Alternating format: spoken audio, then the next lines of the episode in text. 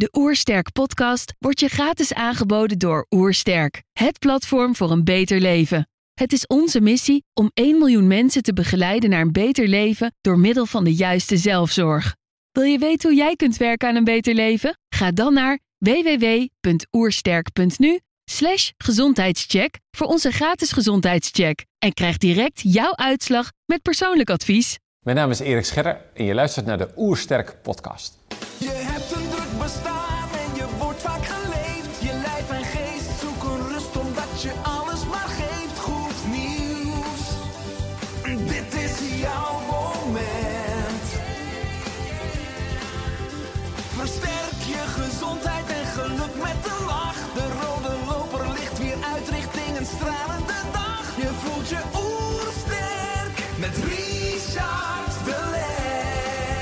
Zijn nu in Heemskerk, maar we gaan zo naar de VU in Amsterdam voor een podcast met Erik Scherder.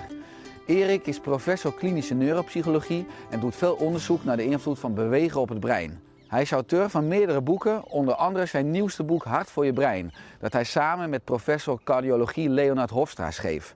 Ik ben benieuwd naar zijn tips voor een beter leven. Trouwens, geniet je van onze podcast? Abonneer je dan en laat een reactie of review achter. Zo help je ons om het gezondheidsvirus te verspreiden. Let's start. De Oersterk Podcast. Een ontdekkingstocht naar een beter leven. Erik, welkom in onze podcast. Dank je. En wat fijn dat we hier mogen zijn eh, op de VU, hè, de, de opleidingszaal waar ik ook jarenlang heb Ja, mogen zitten. vertelde je. Ja, ja. Eh, ik lees op de website van de VU als hoofd van de afdeling klinische neuropsychologie doe ik veel onderzoek naar de invloed van bewegen op het brein. Gaan onze hersenen ook beter werken als we meer bewegen? Bij mensen van jong en oud die luid zijn geworden, blijkt dat inderdaad het geval. Mhm. Hè, kun je dit toelichten? Nou ja, kijk, ja zeker. Eh, er zijn een aantal onderliggende mechanismen. eh, wat er gebeurt als je gaat bewegen. Eh een van de mechanismen is, het ligt een beetje voor de hand. Je hart gaat het beter doen. Het hart pompt het bloed uiteindelijk naar je brein. Eh, er zijn twee soorten stoffen in het brein voor de niet-ingewijden. Uh, grijze stoffen zijn de hersengebieden, witte stof zijn de verbindingen.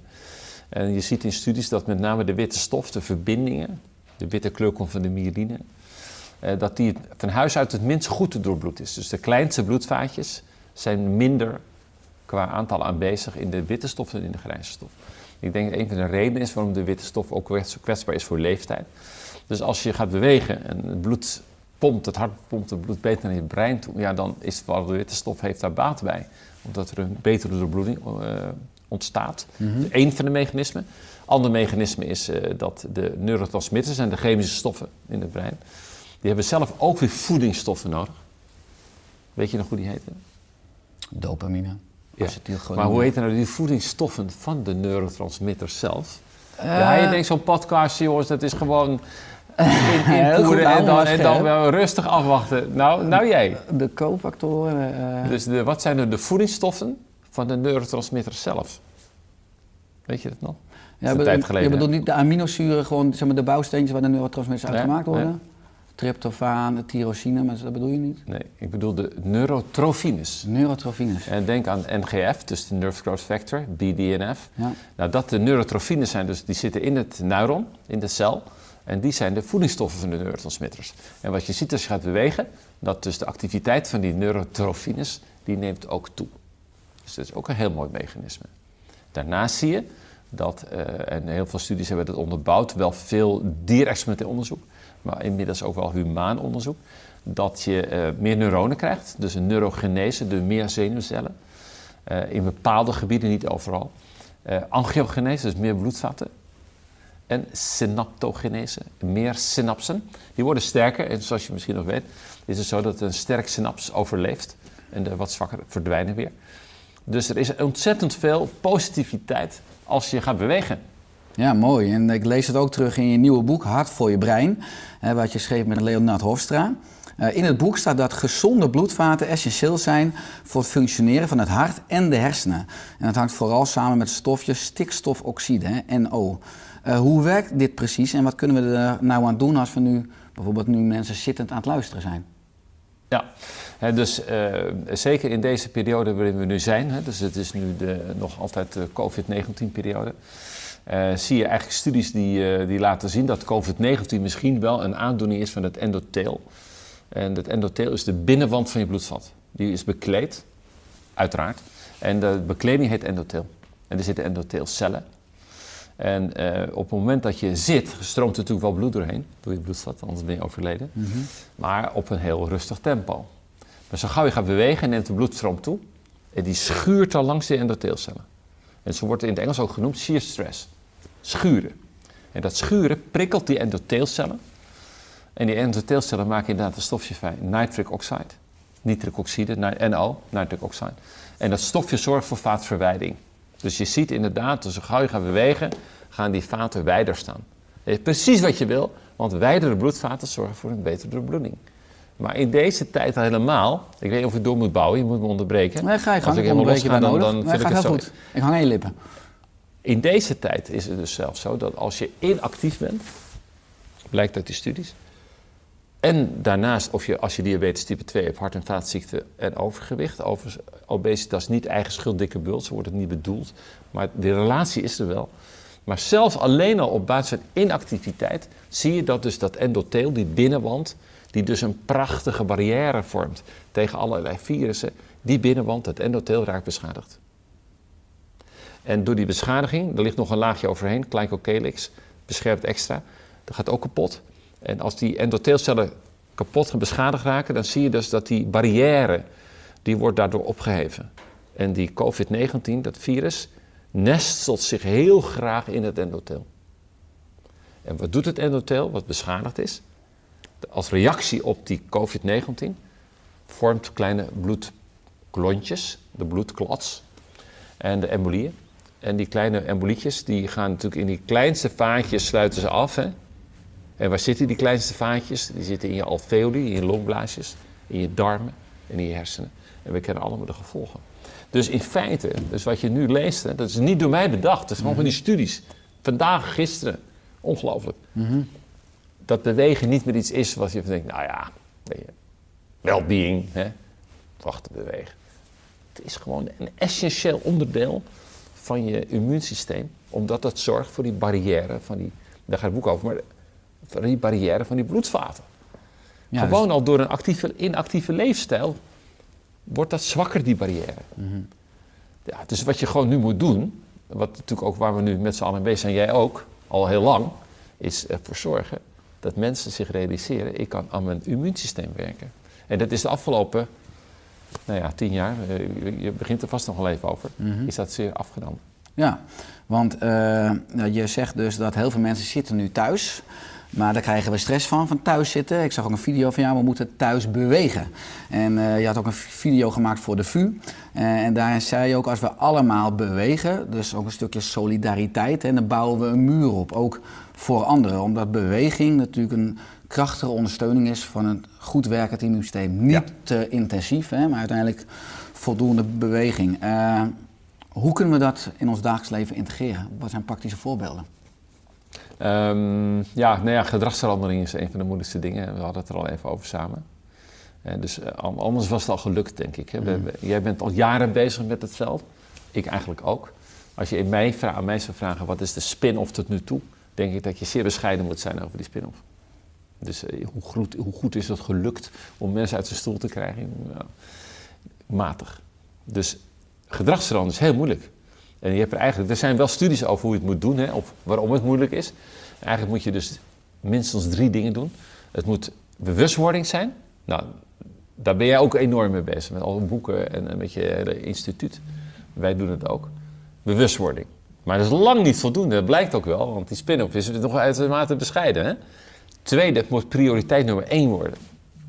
En ik denk dat dat het voor de meeste mensen niet is. Je wordt niet morgen wakker en denkt: oké, er is nu niets belangrijkers meer dan dat ik vandaag bewogen heb. En wij denken nu, we hopen, dat die haak naar het immuunsysteem, dit wil niemand meer. Ik zeg niet dat door te bewegen je nooit ziek wordt, dat is onzin. Maar misschien word je minder ziek. En die studies die laten die, die gaan in die richting uiteraard. Dat je zegt het wordt prioriteit nummer één.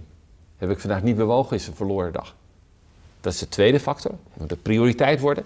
En de derde factor, de omgeving moet mee. En dat is begrijpelijk. We hebben hier een tijd lang in het hoofdgebouw van de VU gehad... dat je de eerste twee verdiepingen, kon je niet met de lift. Haha, dat was natuurlijk ideaal. Dat ideaal. Want de studenten gingen allemaal lopen. Behalve mensen met een beperking, dat een pasje natuurlijk. Dus die kunnen met de lift. Nou, dus dat is helaas je opgeven, maar in principe, daar moet je heen. Hè? Je moet er naartoe dat je denkt, oh ja, ik moet gewoon nu lopen. En het is niet allemaal comfort en makkelijk en makkelijk, hoe beter en zo. Dat is al lang achterhaald. Hè? Je moet moeite doen. Dus ehm, het zijn heel veel factoren die het, het uiteindelijk succes moeten bepalen. Ja, want de wereld staat nu al maanden stil hè, door het virus. Eh, nou, in 2012 werd fysieke inactiviteit door de WHO ook aangeduid als Ja. een wereldwijd probleem, als pandemie. Ja. Eh, ieder jaar overlijden er wereldwijd 5,3 miljoen mensen aan ziekten die gerelateerd zijn aan lichamelijke inactiviteit. Ja. Eh, en Nederlanders zijn wereldkampioen stilzitten, of zitten, hè, las ik ook in het boek.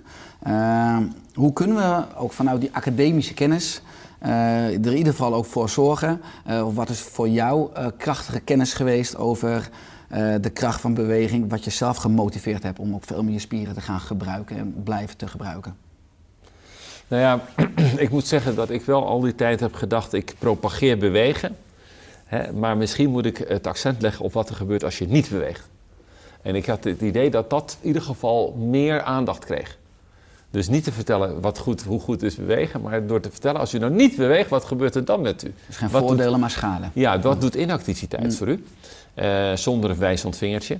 En eh, ja, die pandemie, die, eh, heb je er zelf, nog een vraagje aan jou. Want er zijn natuurlijk heel veel studies over die pandemie die er al was. Waarom is het niet gelukt? Want het is dus mislukt, hè? Het, bestrijden van, het bestrijden van die pandemie nummer 1 is volledig mislukt. Dus elk jaar nog overlijden er 25 miljoen mensen aan ziekten gerelateerd aan zitten. Ja. Heb je enig idee hoe dat komt? Waarom het mislukt is? Ja. En ik heb dus nu de studie van 2019, was de meest recente. Ik, Eh, ik zou antwoord geven omdat we een obesogene omgeving hebben met bewerkte koolhydraten, met comfort. Eh, ik las ook in het boek trouwens dat eh, als je het hebt over kinderen, dat in 2018 ook 41 miljoen kinderen overgewicht hebben. Dus dat het ook alleen maar toegenomen is sinds 2012. Maar er is nog steeds geen antwoord op je vraag. De precieze oorzaak heb ik niet paraat. Nee, leuk hè? Nee, nou ik ook niet, maar ik heb het uit die studies kunnen lezen. En wat blijkt, want dat gaat niet alleen voor Nederland, dat geldt voor de hele wereld. Hè? De sectoren werken niet met elkaar samen. De overheid. De overheid zegt, oh bewegen, dat lost sport wel op. En nu hebben we natuurlijk in Nederland een unieke situatie, namelijk dat de sectoren wel met elkaar samenwerken. Daar zitten we nu mee aan tafel. Sociale zaken, infrastructuur. Heb je natuurlijk niet morgen geregeld, maar die zit aan tafel. Financiën, eh, onderwijs en gezondheid. Alles zit aan tafel. En ik, de, de studies zijn helder. Als je dat lukt om die mensen aan tafel te krijgen en je maakt dan een gezamenlijk plan, dan ga je een kans maken. Dan ga je een kans maken dat het in het onderwijs verandert, dat er ook geld komt, dat infrastructuur natuurlijk anders moet worden gebouwd. Hè? Want als ik nu in een gebouw kom, dan zegt die aardige mevrouw, daar zijn de liften. Maar in feite moet het zijn, daar staan de trappen. En als u het niet anders kan, moet u zoeken naar de liften. Maar ik moet natuurlijk zoeken naar die trappen, jongen. Het zijn meestal de noodtrappen waar ik heen ga. Klopt.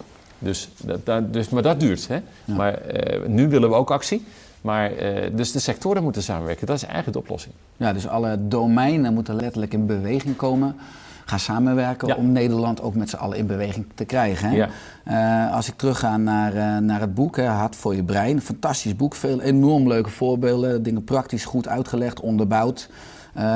Je schrijft ook dat ouderen eigenlijk veel vaker zouden, nou, mogen, maar moeten hardlopen. Waarom? Ja, nou dat, dat hardlopen wil ik dan wel wat tussen haakjes zetten. Eh, Brisk-walking in ieder geval. Het brisk-walking, hè, Ja. dat is eigenlijk het idee. Eh, binnen je grenzen, dat zeggen we er natuurlijk ook wel bij.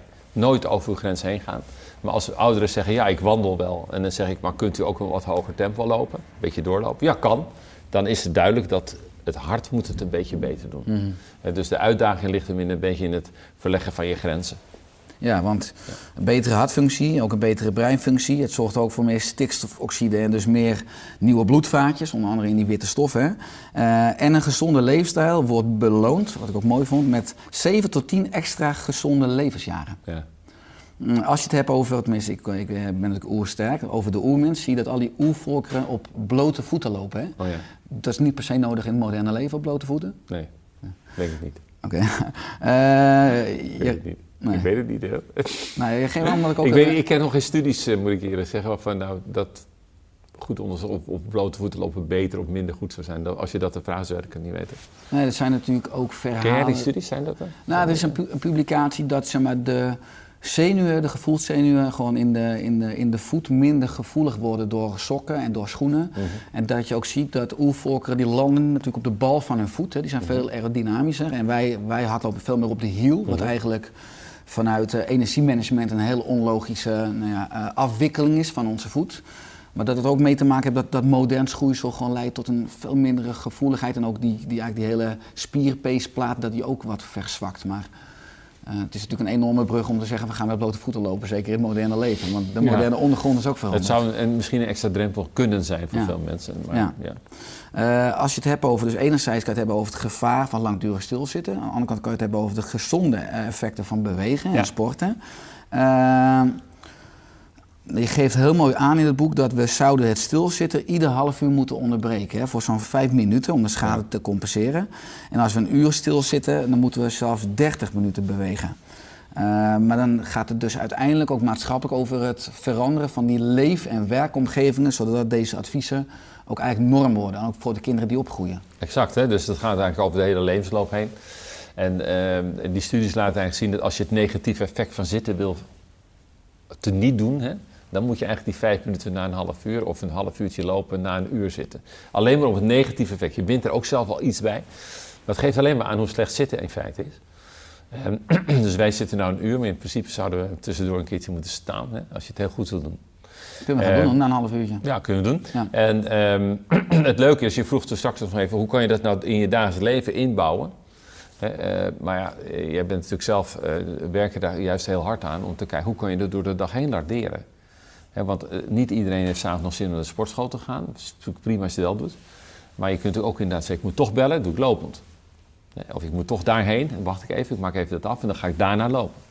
Dus je moet het op, op zo'n manier doen dat je denkt, ik wil gewoon, prioriteit nummer één is dat ik vandaag weer dat ritme haal. En dat ik het onderbreek en dat ik die beweegnorm haal. Maar je kunt het echt door de dag heen. Je kunt lopend vergaderen. Kijk, zo Barack Obama deed dat in de tuin van het Witte Huis al jaren met zijn eigen staf. Die ging lopend die meetings doen. Ja. Je moet er wel toe bereid zijn. Ja, eens. Ja, en er is ook een koppeling tussen voeding en beweging. Want ik las ook in het nieuwe boek dat lichamelijke inspanning zorgt ervoor dat we minder zin hebben in ongezond en lekker eten. Ja, ja. Dus dat, eh, het interessante is dat, eh, dat craving gevoel, dat, dat vorm van, eh, er zit natuurlijk een beloning in. Hè? Nu zie je in deze tijd helemaal, mensen vaak ervaren veel stress. Dus de, de, de grip naar een snack is groter omdat een snack is belonend. Hè?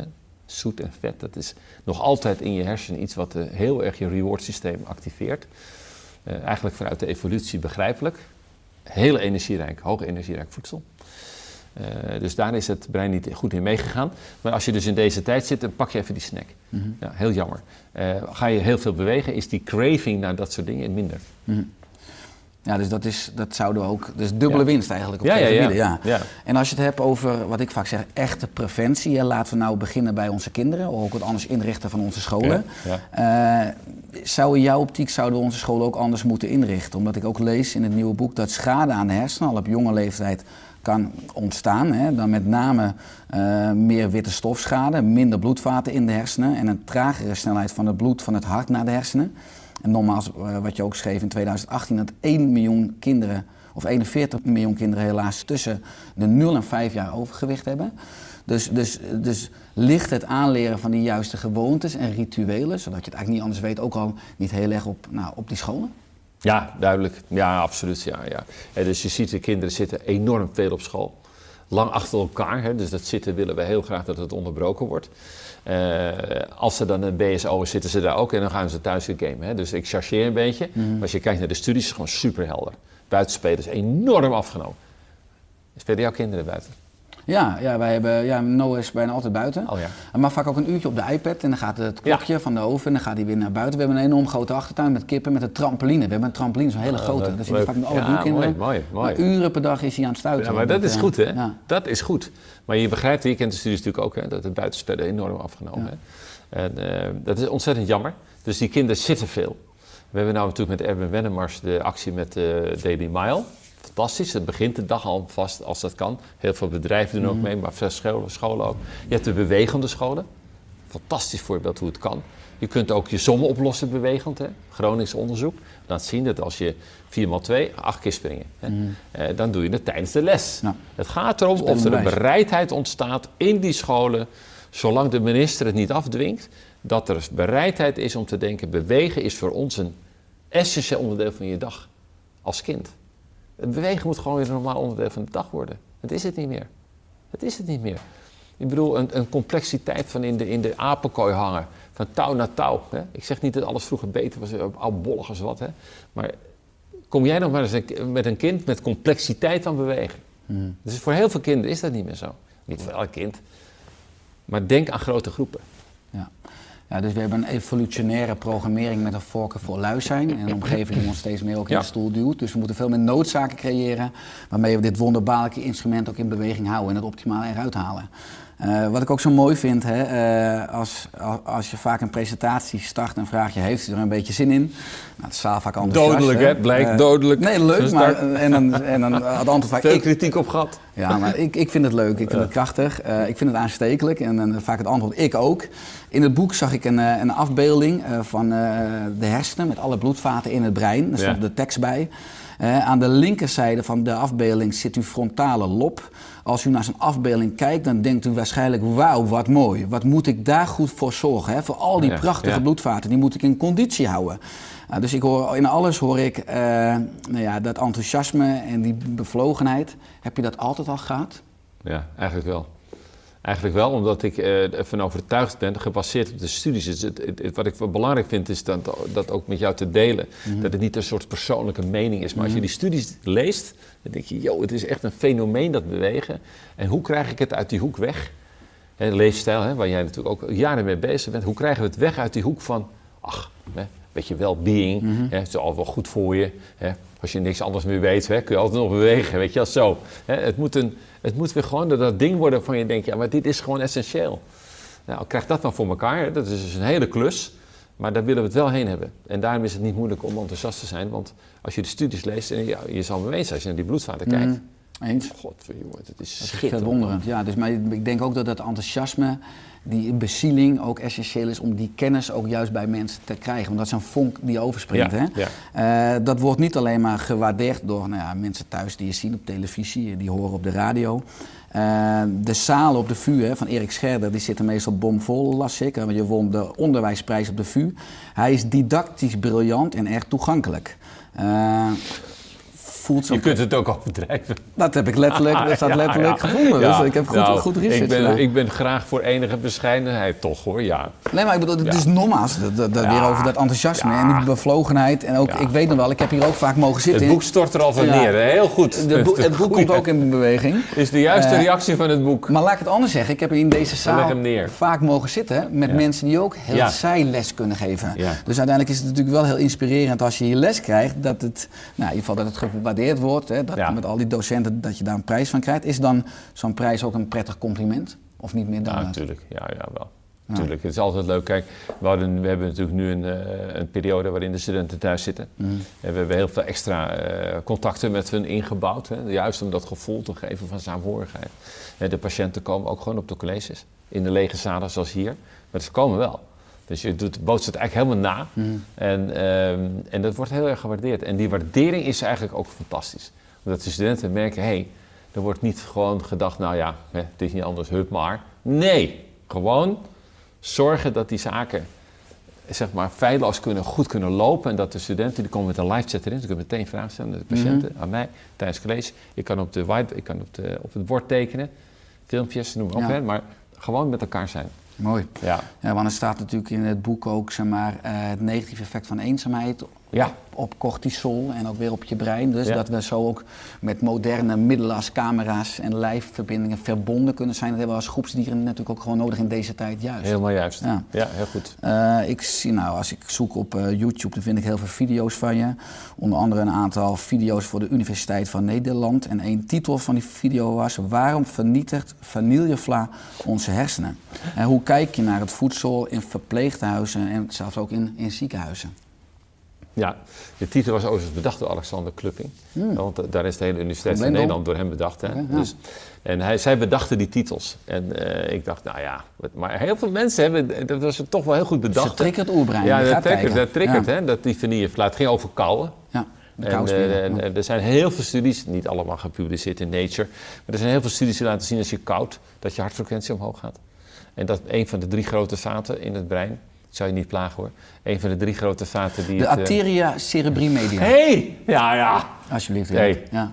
Hey, dit, is, dit is toch Ja. wel bijzonder, hè? Ja, Eén ja, gelukkig. Ja, ik voel wel enige druk, maar ik denk, ik kom hem even in. Hij wist hem, hè? Het is 70% van de herseninfarcten vinden in dat, in dat verzorgingsgebied plaats. Hè? Dus. En dan zie je dat juist in dat verzorgingsgebied van, die grote, van dat grote bloedvat, daar net de doorbloeding toe als je koud. Dus het, het is, als je dan kijkt naar verpleeghuizen met kwetsbare mensen, met kwetsbare bloedvaten ook, eh, dan denk je, ja, dat is toch fijn als er nog koud kan worden. Als je het nog kunt. Niet iedereen kan het, om vanwege slikstoornissen. Noem maar op. Maar als je het nog wel kan, doe het. Dus dat was eigenlijk een, een hartekreet in die richting. Ja. Eh, ik zag ook een andere video waarmee je afsluit van ik wens u veel activiteit en initiatief. Hè, wat ook een functie is van de prefrontale cortex. En je zei vanuit mijn hart, hè, ik wil Nederland in beweging krijgen. Als je zo terugkijkt naar al die jaren dat je al bezig bent eh, met bloed, zweet en tranen, eh, ben je dan tevreden over de oost of zeg je ook juist, hè, wat je, het zou nog zoveel beter kunnen en moeten? Ja, dat laatste. Ik denk dat je echt bescheiden moet zijn over de spin-off. het is toch wel vaker zo dat je denkt, ik ben daar, daar en daar geweest, ik heb een verhaal gedaan. Maar dan blijft het er vaak ook zo bij. Hè. Dat je denkt, ja, maar nou... Dus bijvoorbeeld, en, eh, ook al wel een paar keer gemerkt dat mensen later dus belden vanuit de organisatie, bijvoorbeeld een verpleeghuisorganisatie, zegt, nou, weet je wat, we hebben- we gaan gewoon één keer minder douchen. Dat zorgt natuurlijk wel voor alles keurig. We gaan in die tijd lopen.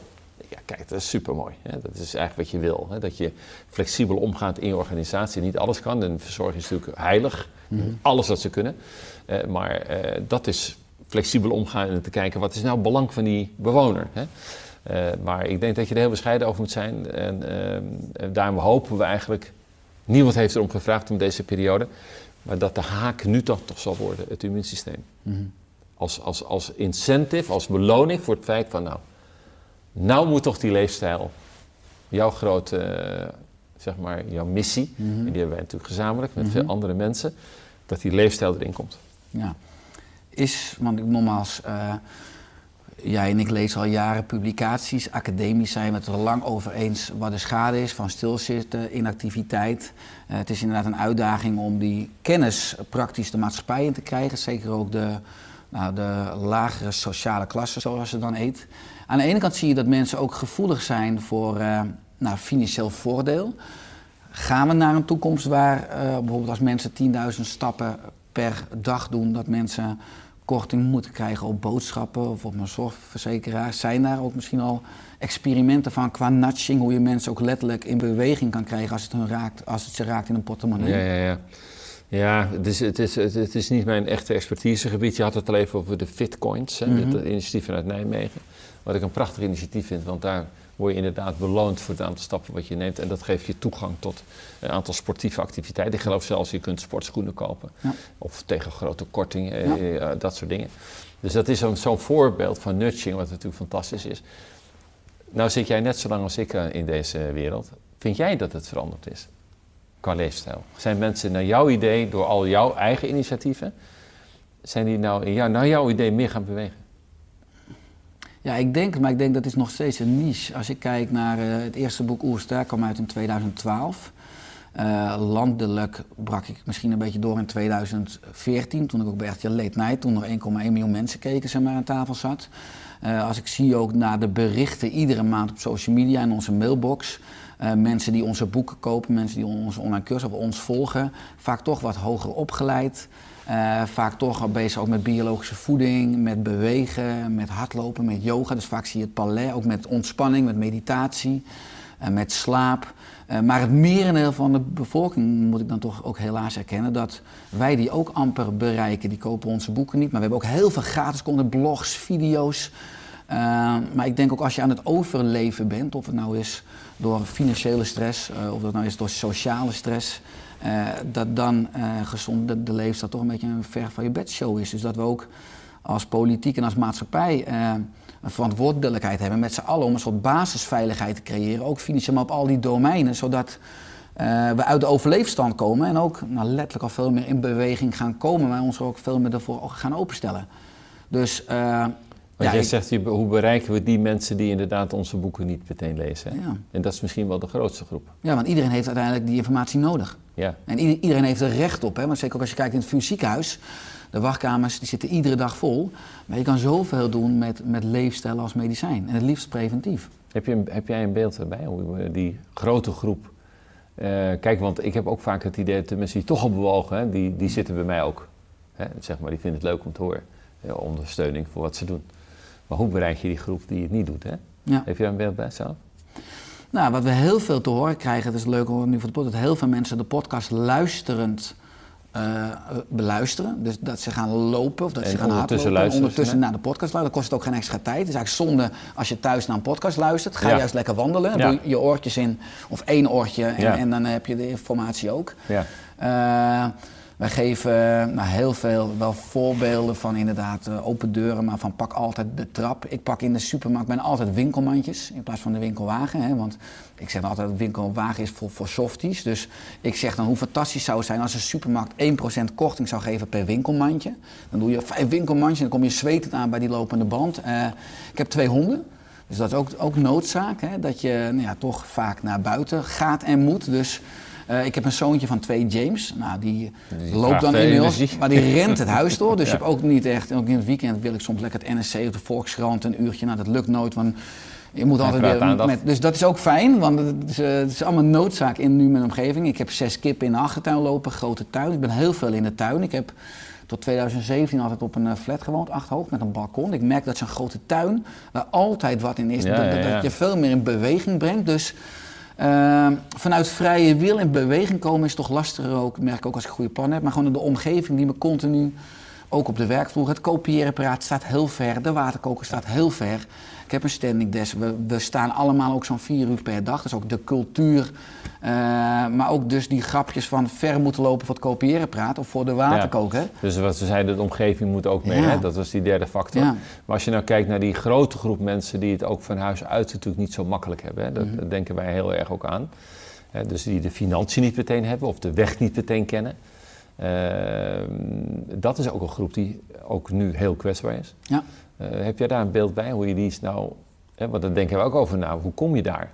Hoe kom je bij die groep nou binnen Ja. waarvan je kunt zeggen van ja, want ehm, hoe kunnen we die enthousiasmeren om eh, deze nieuwe stappen te zetten? Heb je daar een idee? Nou ja, ik sprak laatst met een chirurg en die zei van ja, eh, voor een deel is wel een beetje sprake van de lost generation. Misschien moet je een bepaald deel in de maatschappij ook wel gewoon opgeven omdat we die niet meer kunnen bereiken. Dat vond ik vrij neerslachtig en ik, ik, wat ik zeg, ik ben ook een dromer en ik vind ook de verantwoordelijkheid omdat we met z'n allen voor elkaar zorgen.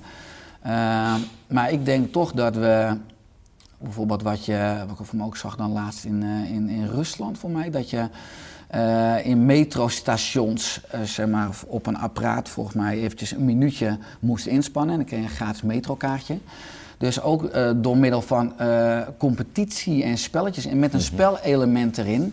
zonder dat mensen het doorhebben, maar ik denk ook misschien voorbeeldfiguren, BN'ers, influencers ook gebruiken met betrekking tot bewegen en het belang van bewegen. Ik denk dat, dat die mensen, nou, miljoenen mensen bereiken. Dus dat we ook heel creatief moeten zijn, bijna in de marketingvormen, om het Ja. belang van Ja. beweging en Mhm. leefstijl overal, eh, overal te krijgen.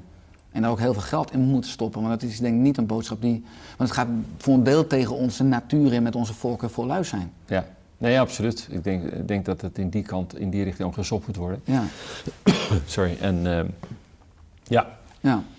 Maar tot die tijd op mijn vierkante meter, normaal met veel enthousiasme en bezieling, gaan we door. We hebben trouwens een eh, ruim een half uurtje gehad. Zullen we gaan staan? Ja, Ja, dan staat chat. Ik doe wat uitdaging voor de camera. Maar ja, dat zijn, eh, moet nu de zaak eh, bij, bijschraven. Ja, je, je hebt het in het boek ook over het effect van muziek. Hè? Ook, tenminste, zeker ook in het boek Singing in the Brain.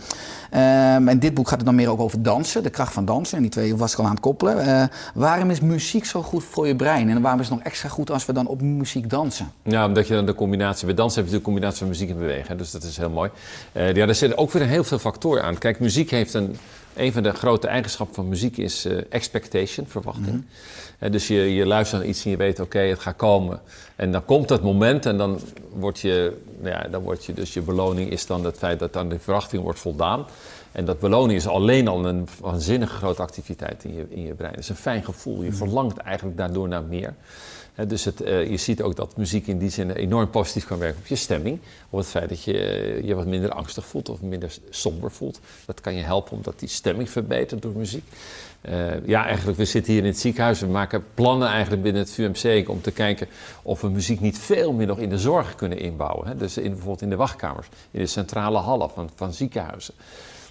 Ja, ik, ik weet, we hebben een van onze kinderen heeft een chronische ziekte en dat heeft vaak van die pieken van ellende. En eh, ik vertel het verhaal wel eens vaker. En we kwamen toen mm, niet zo heel lang geleden met haar weer naar het Flevo ziekenhuis. Dus dat de, vanuit het AMC was dan de specialist zat daar. En we kwamen binnen ook super gestrest. Hè? En dachten, wat is er nu weer? Hup, met die dochter mee. Eh, In die, in, we kwamen in die hal en, de- en daar speelde een pianist. En we moesten wachten eh, even tot we werden opgepikt. Ondertussen speelde die man, die speelde dat gewoon. En ik merkte gewoon tijdens het spelen, hè, dat, dat toch even die piek van die angst, die, die zakte even. We waren er even en het, het spel was er. En, nou. Na een week haalde onze dochter weer op. We waren natuurlijk wel op bezoek geweest hè, tussendoor. We haalden haar weer op. We moesten wachten eigenlijk op de uitslagen nog. Toch ook weer spanning en een rot gevoel van oké, wat gaat die zeggen? En we zaten weer bij een pianist. En toen ben ik naar die man toegegaan en ik heb hem gehukt. Dat kon toen nog even. Ik zei, u heeft geen idee hè, hoe belangrijk het is wat u doet hier. hè. Dat, dat gevoel even van, van nou, even, even, even rust, even die muziek horen, even mooi. En, eh, dus ja, dat, dat merk je gewoon wat muziek doet. En, en eh, we zien ook studies, hè. we hebben een collega, hij is hoogleraar chirurgie in het Erasmus. Hij, hij eh, biedt muziek aan, bijvoorbeeld pro, pre- en postoperatief. Mensen hebben minder pijnstilling nodig. Goede studies, goed gepubliceerd, goede gerandomiseerde studies. Prachtig. Dus ja, muziek heeft een, is een rijkdom, maar ook als je kijkt naar kinderen. Dus eh, jij hebt kleintjes, mijn kinderen zijn een stuk groter. Ik heb het wel geprobeerd, het is niet heel goed gelukt om ze met muziek te laten opgroeien. Maar als je ziet wat muziek doet in een opgroeiend brein, hè, aan witte stof, aan nieuwe verbindingen. Waarom? Omdat het uitdagend is, het is een verrijkte omgeving. Eh, je moet moeite doen. Ja, dat is wat het brein nodig heeft. Misschien ken je nog uit je studie die eh, gouden uitspraak van Donald Hebb, H-E-B-B, namelijk neurons that fire are neurons that wire. Hè, dus dat betekent een zenuwcel die vuurt, ik heb het altijd maar verteld, zenuwcellen die vuren zoeken hun buren. Hè. Meer contacten, meer complexiteit, meer cognitieve reserve voor later. Prachtig. En muziek is daar een fantastisch voorbeeld van. Ja, mooi, ja, maar James, onze jongste van twee jaar, heeft van mijn schoonzusje net een kleine piano gehad. Dus Oh, die ja, is echt aan het eh, tingelen. Ja. Ik ben net weer begonnen als uitdaging met het bespelen van een mondharmonica. Oh. Wat vrouw trouwens verschrikkelijk vindt klinken, maar ik vind dat het nog aardig klinkt. Oh, ja? En het ukulele bespelen, zo Oh. continu om mijn brein, Kijk, eh, leuk. brein uit te Oh, mooi. Maar ook, mu- ook muziek. Ik speelde vroeger altijd trompet. Ach. Dus ik heb mijn AMB-diploma gehaald voor de trompet. Ik Oh. speelde in zo'n orkest, wat ik geniaal vond. Was je zo'n deel van de muziek als je als trompetist in zo'n orkest zat. Dus vond ik altijd... eh, En een instrument wat er ook wel bovenuit komt, hè? ja, Die ja, hoor je ook, hè? ja, je kan je laten horen, ja. Ja, Eh, leuk. We staan inmiddels nu natuurlijk. Mooi. Ja, Eh, lekker, hè? je, Lekker. laat in dat boek ook zien dat stilzitten zorgt voor meer lichamelijk ongemak, onder andere de onderrug. En het creatief probleemoplossend vermogen neemt ook af, eh, waardoor de kans op het maken van fouten toeneemt. Ja. Hoe zorg je zelf op een dag dat je zoveel mogelijk beweegt en zo weinig mogelijk fouten maakt? Ja, de- laat ik zeggen, ik, eh, waar ik, eh, wat ik doe is dat ik eh, fiets altijd vanuit huis naar hierheen. Dus vanmorgen regent het, ja, dan heb ik andere schoenen aan en plastic aan. En ik fiets gewoon door de regio heen. Dus ik heb een half uur gefietst vanmorgen. Ik fiets vanavond gewoon natuurlijk weer terug. Heb ik minimaal een uur gefietst. Ja, ik, heb, eh, ik ben al naar het hoofdgebouw gegaan. Dus je doet heel veel lopen, traplopen. Als je een tijdje hebt gezeten, gewoon weer gaan staan en lopen. Er is altijd wel wat. Je kan een kop, kopje koffie halen. Of je loopt gewoon even gewoon door het gebouw. Of ik bel even naar huis. Of even de kids. Of even, nou, wat dan ook. Hè. Er is altijd wel even wat je kan doen. Dat is zo makkelijk gewoon, om het even te onderbreken. Ja, en die beweegnorm haal ik gewoon, omdat ik dat uur fiets. En als ik eh, thuis werk, wat nu vaker voorkomt... Gisteren bijvoorbeeld heb ik de hele dag thuis gewerkt. Ben ik even tussendoor een driemond gefietst. Nou, dat was een uur. Meet je het ook in eh, aantal stappen per dag? Nee, want ik haal het dik. Oké, ja. Ja, Ik, ik, dat, hoef ik, dat hoef ik niet te doen, want ik weet dat ik het haal. En ik haal ook makkelijk dat met dat uur fietsen erbij, dat kan je dan vertalen natuurlijk in dat gebeuren. Dus eh, ja, en dan ja, je wordt beloond eh, als je het eenmaal doet, omdat je je fit voelt. Ja. Merk je ook, mocht je wel eens ooit te lang stilzitten, dus dat ook aan je brein en aan je besluitvaardigheid? Ja, nou, ik kan niet zeggen dat ik dan opeens denk, wat besluit ik nu minder goed of zo. Nee, dat zou echt te subjectief zijn. Hmm. Ehm, wat ik wel merk sinds ik in viool speel, ik ben dus een paar jaar geleden met viool begonnen, dat ik het idee heb hè, dat ik, dat ik zeg maar ehm, op sommige gebieden pittiger ben geworden daardoor. Toch, qua cognitie. Mhm. Ik ben natuurlijk 69, dus eh, er is natuurlijk een decline, dat, dat gaat, er is natuurlijk een, een neergaande spiraal, maar ja, blijven uitdagen. Ik werk fulltime bij de VU, mag gelukkig blijven, dus eh, ja. Ja, man. Ja, want eh, ik zag laatst eh, ook een video van je en waarin aan je aangaf dat recente studies laten zien. En onder andere was toen de publicatie van Jimenez eh uit 2020. Ja. Hè, dat je met beweging bijna ieder systeem in het lichaam gunstig beïnvloedt. En minder diabetes, minder hoge bloeddruk, minder hart- en vaatziekten, minder ademhalingsproblemen, en minder botafbraak, minder risico op vallen en ook daarmee op breuken. En mensen weten het wel, maar doen het vaak niet of te weinig, waar we het net over hadden. Eh, als je kijkt nu ook hier op het VU-complex en ook in het VU-ziekenhuis, wordt in jouw optiek beweging als medicijn al genoeg in de geneeskunde toegepast of kunnen we daar ook nog veel meer eh, winst behalen? Ja, dat, dat laatste denk ik, absoluut. Ja. En je hebt zelf ook geneeskunde gestudeerd. Hè? Maar Ja. hoe was dat in jouw tijd? Minimaal. Dat qua onderwijs bijvoorbeeld ook. Was, dat- was het een onderdeel van het curriculum bijvoorbeeld? Nee, je had hier voor mij dit complex bewegingswetenschappen en geneeskunde. Ik ben natuurlijk ook Ja. af en toe delen samen hadden. Ja. Maar als je het hebt over leefstijl of over beweging of over voeding, minimaal. Ja. Ik zou me niet kunnen herinneren. We hebben natuurlijk wel een blok gehad over het bewegingsstelsel. Ja, Maar dan ga je het al vrij snel hebben over pathologieën en Ja. hoe je dat eventueel kan aanpakken. Ja. Eh, Met medicijnen of operaties, et cetera. Of met fysiotherapie of met ergotherapie. Maar eh, de kracht in die publicaties en ook beweging als preventie. En ook eh, zeg maar, het samenhang, het holisme op alle systemen in het lichaam. En ook met die verwondering en die passie, had ik het maar geleerd dan. Nee. En toch ben je na je studie er toen juist mee begonnen, hè? Ja, zeker vanaf 2007. Ja. Ja. ja, en zeker die jaren daarna is mijn verwondering voor het lichaam eh, ja, eigenlijk radicaal toegenomen. Omdat we hebben een fascinerend instrument. En ik merk hoe meer ik ervan leer, eh, overleer, hoe beter ik eigenlijk ook ervoor wil zorgen. Ja. En doe je zelf per dag? Hoe doe, hoe doe jij dat? Jazeker, ik heb, ook, eh, nou, ik heb zo ook eh, twee boeken voor je meegenomen als, eh, als cadeau. Maar ik heb ook de Oersterk Journal. Ik, ik merkte op een gegeven moment dat ik qua leefstijl het ook fijn vond om het bij te houden. Ik heb een tijd een briefje geplakt op de, op de badkamerspiegel. Maar op een gegeven moment had ik het op mijn nachtkastje briefjes. Waar ik echt bij hield bewegen en voeding en ontspanning. Dat is eigenlijk de O van, eh van Oersterk, ontspanning. De E van eten en R van regelmatige beweging. Eh, en op een gegeven moment heb ik daar mijn leefstijldagboek van gemaakt. Dus ik heb mijn leefstijldagboek en iedere dag hou ik bij. Ik laat het niet aan het toeval over. Aha. Mijn beweging, mijn ontspanning en mijn voeding. En ook eigenlijk dan een stukje zelfzorg voor je mind. Sociale verbinding, dankbaarheid en meditatie. En iedere dag en in een weekoverzicht zie ik dus helemaal, soms ook als ik er weer een weekje. Maar dus die bewustwording van het meten is weten, dat helpt mij enorm. Oh, ja, ik ook ja. zo'n beetje van, ook, ik moet even bijsturen. Ik voel het ook, maar ik zie het ook gelijk terug in mijn dagboek. En je hebt geen stapverteller om, hè? Nee, nee, Nee, ik heb ook nee, net nee, zo'n horloge ook jij. Nee, ik heb Ja, geen precies, stappen. ja. Maar ik heb wel een Aura-ring. En die Aura-ring die, eh, die meet ook mijn aantal stappen, maar die meet vooral aan mijn eh, slaapcycli. Dus mijn Oh, remslaap right. en mijn diepe slaap. En mijn hartslagvariabiliteit. Dus ook mijn balans tussen ontspanning en inspanning. Als ik een tijdje te veel stress zie ik dan weer gelijk terug op mijn app. Dus dat heb ik. Ik heb nu hou niet zo van een klok, maar ik heb het op mijn ring. Ja, ja, ja. Ja. je bent goed past. En je vraagt nou even terugkomen. Ja. hè, Dus is het nu al eh, helemaal geïntegreerd in de huidige zorg? Ik denk dat het echt nog eh, vele malen beter kan. Ik denk wel dat het, een, eh, dat het binnen geneeskunde wel een grote rol is gaan spelen. Ik ben bijvoorbeeld eens op bezoek geweest in, het, eh, in Veldhoven, in het Maxima ziekenhuis. En dat doen ze aan prehabilitation. En wat betekent dat? Dat betekent dat eh, bijvoorbeeld, dat doen ze dan bijvoorbeeld op de chirurgie van dikke darmtumor. En dan iemand wordt vastgesteld, u heeft een dikke darmtumor. Nou, die patiënt zegt, oké, graag morgen eruit. Nee, u komt eerst zes weken lang, elke dag hier, of twee keer per week, drie keer per week, eh, op de home trainen, uw conditie opbouwen. Die tumor zat er nou al een tijdje, daar hoeft u niet bang voor te zijn. Dat zit er nog wel even. Zonder grote risico's bedoel ik. Eerst zes weken trainen. Opereren. Fit naar huis. Kijk, eh, dan zie je gewoon dat, dat die dingen, die, die, die, die zijn er wel al. Hè? En dat spreekt natuurlijk enorm aan. Omdat je dan denkt, ja, dat zijn de voorbeelden waarin je merkt, oké, goede conditie in de operatie, er goed uitkomen. Ja. Het is eigenlijk gek dat je natuurlijk eerst vijf dagen in bed zou liggen als een dweil die elkaar opgaat. Hè? Dat, is, dat is natuurlijk, kan niet altijd, maar ik, ik, dat spreekt me enorm aan. Ja. De- in, in Engeland zijn er eh, studies die laten zien, als ik lopend binnenkom, bijvoorbeeld voor mijn galstenen, weet ik veel wat. Dan zei oké, u liep hier direct, eh, u komt toch lopen binnen, mooi. U staat vanavond in de centrale hal. U gaat meedoen met de fysio. Kijk, je ziet natuurlijk ook nog wel dat je natuurlijk binnenkomt en met een half uur lig je in bed in je pyjama. Ja.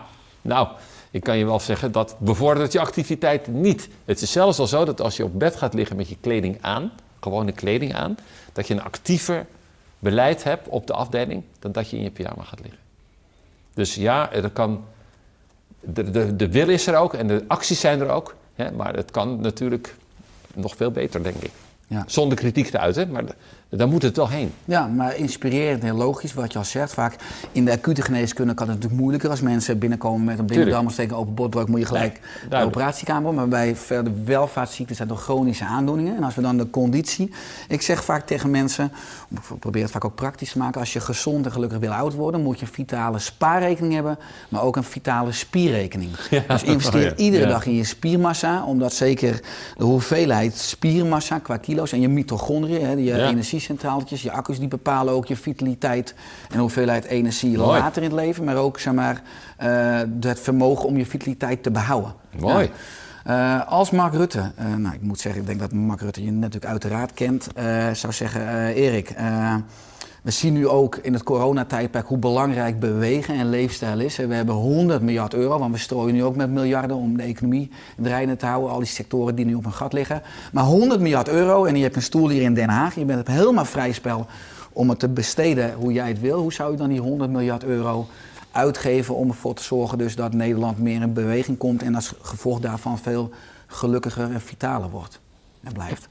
Ja, ehm, ik begrijp de vraag hoor. Het is natuurlijk ontzettend lastig om daar nou echt een heel goed antwoord op te geven, vind ik. Kijk, eh, waar je geld aan zou willen uitgeven, is bijvoorbeeld aan die hele grote groep mensen die het dus zo van huis uit niet meteen hebben. Dus denk dan bijvoorbeeld aan het feit dat al die kinderen zouden, eh, waar het, de financiën niet meteen zijn, lid maken van sportverenigingen. Hè, geef ze sportpakken, trainingspakken. eh, faciliteer gewoon dat al die kosten niet gemaakt moeten worden, maar dat die gang er naartoe wel wordt gefaciliteerd. Ehm, natuurlijk, er zijn scholen in Nederland die nog geen gymlokaal hebben meer. Hè. Stel je dat eens voor. Die moeten dus gymmen in het buurthuis. Nou, dus dat geld zou daarheen gaan om te zorgen dat in no time die, die gymlokalen worden gebouwd bij die scholen. Ehm, en natuurlijk het onderwijs. Hè. Het onderwijs is super belast. Hè. Dus als je daar veel geld voor extra zou kunnen reserveren, kunnen er weer vakleerkrachten inkomen. Die het gymnastiekonderwijs ook op dat niveau brengt. Hè. Dus je kunt van allerlei dingen bedenken. Ik zou ook denken aan het verpleeghuis overigens. Eh, een punt wat we nog niet hebben aangekaart. Maar wat mij erg raakt is het feit dat in Nederland is er eigenlijk een perverse financiële prikkel voor het verzorgingshuis, verpleeghuis. Want, ik stel, ik, eh, ik kom zo meteen in het verpleeghuis, ik heb een beginnende dementie. Dan is het, en, maar ik ben nog actief, hè, dan zou dat geld er moeten zijn om mij actief te houden. Hè. Maar wat blijkt in de, in de zorgzwaarte van 5 naar 10, er komt steeds meer geld naarmate ik meer in bed kom te liggen. Hè, dan zijn de verdiensten groter. En dat is wel pervers. Dus ik, de meeste geld wordt uitgegeven als ik in bed lig. Begrijp ik in die zin, want de zorg is erger, zwaarder. Maar ik zou graag willen dat dat geld wordt uitgegeven als ik binnenkom. Hij is nog actief. Hoe houden we hem zo actief mogelijk? Dat gaat geld kosten. Moet een fysiotherapeut of wat dan ook bij. En enzovoort. Dus je moet het omdraaien eigenlijk. Hè. Dus nou, die punten hebben we al eerder gemaakt. En ik moet zeggen, als je het in de media roept, niemand wordt boos. Dat is heel gek. Want ik heb dat een keer hardop geschreeuwd. Nul reactie. Dus ja, iedereen denkt, ja, dat zal wel. Ja, nou ja, dat is het dan maar. Ja, nee, niks. Hè, dus ik kan niet zeggen, waar geef ik 100 miljard in uit? Hè, dat is te groot. Maar er is een deltaplan nodig. Maar je, ja, en je hebt heel veel expertises nodig op allerlei gebieden. En je hebt actie nodig om door te pakken. Hè, dus niet al te veel mensen, want dan wordt het weer allemaal weer eh, pap, pap, pap, pap, pap, pap. Nou, dat, dat, daar, daar ben ik heel ver van. Maar er zijn wel een aantal flinke noodgrepen te maken. Ja. Nou mooi, ik denk zeker aan komende jaren dat we jouw kennis en expertise nog hard nodig hebben. Hè. Ik, ik, ik las ook op de site van de VU, ik leerde dat er altijd zijn er kansen. Zelfs bij nauwelijks te, nog te behandelen eh, mensen. Dat optimisme komt voor uit liefde voor het brein en voor de mens. Daarom voel ik me ook zo op mijn plek op de werkvloer. Nou, je geeft net aan, je bent 69 jaar jong. Wat is je ambitie voor, eh, voor aankomende jaren? Eh, dat ik hier zou mogen blijven werken. Maar dan ook alles doe wat er, wat er gedaan moet worden. Dus niet, eh, nou ja, dat niet meer en dat. Oh, hè. Nee, dat is echt, vind ik echt onzin. Je moet juist moeite doen. Mhm, Het hele Eh, pakket. zonder mensen in de weg te lopen. Dat zeg ik er wel even bij. Dat is altijd belangrijk. Want Als, als je zo gauw je denkt, ik hou een plek bezet. No way natuurlijk. Hè. Maar zolang je het onderwijs nog kunt doen terwijl een ander het onderzoek kan doen. Prima, dan heb ik een bijdrage. Ja, en dan misschien als Tommy Cooper, voor zover mensen dat iets zeggen, dan val je dood door de gordijnen. Hè? Dus eh, ik weet niet of je Tommy Cooper Mhm. Ja, kent. zeker. zeker ja. En eh was ook mijn held Die altijd. stierf in het hanghuis. Die Ja. stierf dus door het gordijn heen. Iedereen dacht nog dat hij een goede grap maakte, maar hij was gewoon dood. Hè? Dus het lijkt me ideaal. Ja, want eh, als je Hij was nu- alleen te jong, hè? Hij was te jong. ja, zeker. Ja. Als je het hebt over nou ja, het gezondheidsvirus eh, uitdragen. Ik krijg enorm veel kennis en inspiratie uit boeken. Ik lees graag boeken. Nou, het nieuwe boek is Hard voor je brein. Maar je schreef eerder het boek Laat je hersenen niet zitten. En de inleiding sloot je af. Dat vond ik grappig. Lees het boek niet in één adem uit. Dan zit u namelijk te lang achter elkaar. Oh ja. Eh, nou, dat herken ik ook als je echt in een boek zit. Ik bedoel, Ja. de tijd is Ja. relatief, de tijd vliegt. Heb je zelf een trucje ook als je leest? Of doe je dat staand? Of als je een boek leest, hoe kunnen we er nou voor zorgen dat we niet te veel uren achter elkaar zitten en lezen? Ja, ik moet je heel eerlijk zeggen dat boeken lezen bijna niet meer voorkomt. Omdat ik altijd aan die artikelen gekoppeld ben. En je wil die kennis zo snel mogelijk en zo goed mogelijk naar binnen halen. Hè? Ik lees nog wel boeken, maar dat is dan s'avonds in bed twee bladzijden. Dat zijn van die goede thrillers, weet je wel. Dat doe ik dan wel. Maar ehm, ja, dus in feite komt het niet heel veel voor. En Jij maar, wel? eh, Lees jij nog wel eens een heel boek? eh, te weinig, maar zoals nu, vanaf morgen eh, kerstvakantie. Ja. we deze Hoe doe jij dat dan? Hoe ga je dat dan onderbreken? Ehm, nou, James, twee jaar. En, Oh ja, eh, die haalt hij er wel ja, van af, James bedoel je? meestal, die haalt me er meestal af, inderdaad. Ja. En, eh, dus dat is eigenlijk nu een goede veiligheidspal als je zo over nadenken. Hè? Dus hij moet eigenlijk zo jong blijven. Eh, maar ik vind het leuk om door middel van boeken mezelf uit te dagen. Hè. Ja. Daarom ben ik ook nu bezig met het aanleren van nieuwe muziekinstrumenten en vaardigheden. Mooi. Eh, nou, jij schrijft ook overal, hè, we moeten eigenlijk van geestdodend werk letterlijk dan naar uitdaging. Omdat we zo ook minder kans hebben op cognitieve achteruitgang. Eh, ben jij ook steeds op zoek? Want ik hoor van je speelt sinds een paar jaar een viool. Hè. Je gaat nu ook hier door op de Eh, naar nieuwe prikkels eh, en publicaties. Of zeg je van nou, dat is ook al een veiligheidspallen, maar continu met werk geconfronteerd worden. Ja. Dus met nieuwe inzichten en Ja, publicaties. eigenlijk is dat wat je zegt. Dat, zo is het eigenlijk. We hebben natuurlijk ontzettend geluk. Zo ervaar ik het ook. Jij in jouw werk, jij bent natuurlijk veel jonger dan ik ben, en ik in mijn werk, dat we doorlopend uitgedaagd worden. Er zijn dus elke keer nieuwe vraagstukken. Op elke keer denk je weer, hoe zeker ben ik eigenlijk van mijn uitspraken? Doorzoeken. Net zolang tot je er nog zeker over bent. Of moet ik het bijsturen? Nou, dan schrijf je weer boeken, dan ga je weer eh, op pad, dan zijn er weer nieuwe uitdagingen. Dus ja, we hebben natuurlijk gewoon dat geluk. Dat geldt niet voor iedereen. Lang niet. Hè? Dus eh, tegen die mensen, daar denk ik niet makkelijk over. Zou ik wel willen zeggen, bent u versleten, was u stratenmaker, dan bent u ook op. Dan is het idioot om te zeggen, nou, werk nog een tijdje door. Maar u kunt ze misschien wel cognitief uitdagen. Misschien wilt u altijd wel eens op een schaakcursus. Of dacht u van, ik heb zin om te dammen. Of, eh, ja, dan zou ik zeggen, doe het. Dat, daar gaat het eigenlijk over. Ja, dus eh, zet je brein ook in beweging. Ja, mentaal ook. Hè? Maak nieuwe paden aan. Maak nieuwe paden aan en, en eh, doe vooral dingen waarvan u denkt, ja, ik heb er wel zin in, maar het kost me ook veel moeite. Ja, dat laatste is eigenlijk ideaal. Ja. Ja, dus het is, eh, ik vind het zoeken soms naar een magische balans tussen voldoende in beweging komen, maar ook soms afremmen en lummelen en nietsen. En, Ja. en nietsen. Nou, in het boek schrijven jullie over het default mode network. Eh, dus naar buiten staren. Eh, mag de moderne mens vaker lummelen. En toch als je naar buiten staart, nou, dan zit je vaak ook. Dus hoe kan je balans krijgen tussen dat default eh, mode network Ja. voldoende activeren, maar ook niet te veel stilzitten? Ja, ja, goede vraag ook. maar ja, dat is het. Je- Het is prima om stil te zitten. Want anders zou je de hele dag moeten lopen. Dat is absoluut de boodschap niet. We zitten gewoon de hele dag. Maar het feit dat je zegt eh, rustmomenten, die zijn er natuurlijk ontzettend weinig meer. Want zo gauw je een rustmoment hebt, hè, dan eh, ga je weer op je mobieltje kijken. Dus het gaat over de cognitieve belasting. Als ik op mijn mobieltje kijk, zie ik weer mails, leuke, niet leuke, whatever. Ja. Ik ben weer bezig. Hè. Het gaat om dat je naar buiten kijkt inderdaad. En dan het default mode-netwerk, hè, dus het default-netwerk, een kans geeft. En dat is het netwerk voor creativiteit, probleemoplossend vermogen, nieuwe ideeën. Mensen herkennen dat heel vaak, dat ze de hele dag tobben op iets. Geen oplossing, lopen s'avonds bij Albert Heijn. Yes, ik weet het. Nou, als ik dat vraag, dan zie je al die handen omhoog gaan. Dan zeg je, ja, wat is het default? U hebt het even laten zitten, laat maar. En dan bent u op de fiets naar huis of wat dan ook. Dan denk je, ik ga het zo doen, klaar. S'nachts is default ook actief. En mensen roepen wel eens van, eh, als ik dat en dat doe, ben ik leeg in mijn hoofd. Zeg ik, nou, dan moeten we echt een keer in de scan gaan liggen, want dat kan niet. Hè? Uw brein is 24 uur per dag actief en s'nachts is het default. Dus ehm, ja, ik ben heel erg voor rustperiodes. Waarom? Ook omdat het enorm afgenomen is.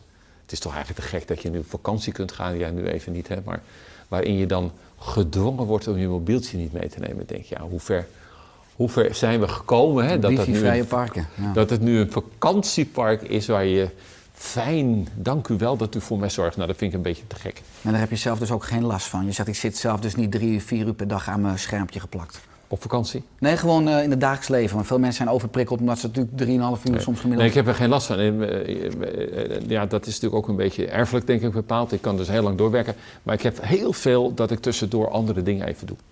Mini-breaks. Ja. Ehm, is er aan het einde van de podcast nog iets wat je graag wilt toevoegen of aanvullen? Eh, nou, leuk dat ik je ontmoet heb, dat is één. Leuk Wederzijds. dat we gezamenlijk die missie hebben, dat is ook fijn.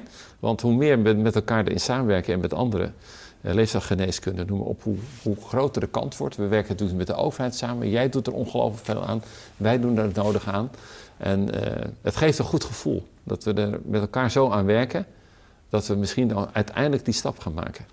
Ja. Eh, en, eh, dus eh, ik vond het heel leuk om je te spreken daarover. Wederzijds. En samen is veel leuker dan alleen. En waar kunnen mensen nou meer vinden over jou of over je boeken of over het nieuwe boek Hart voor je brein?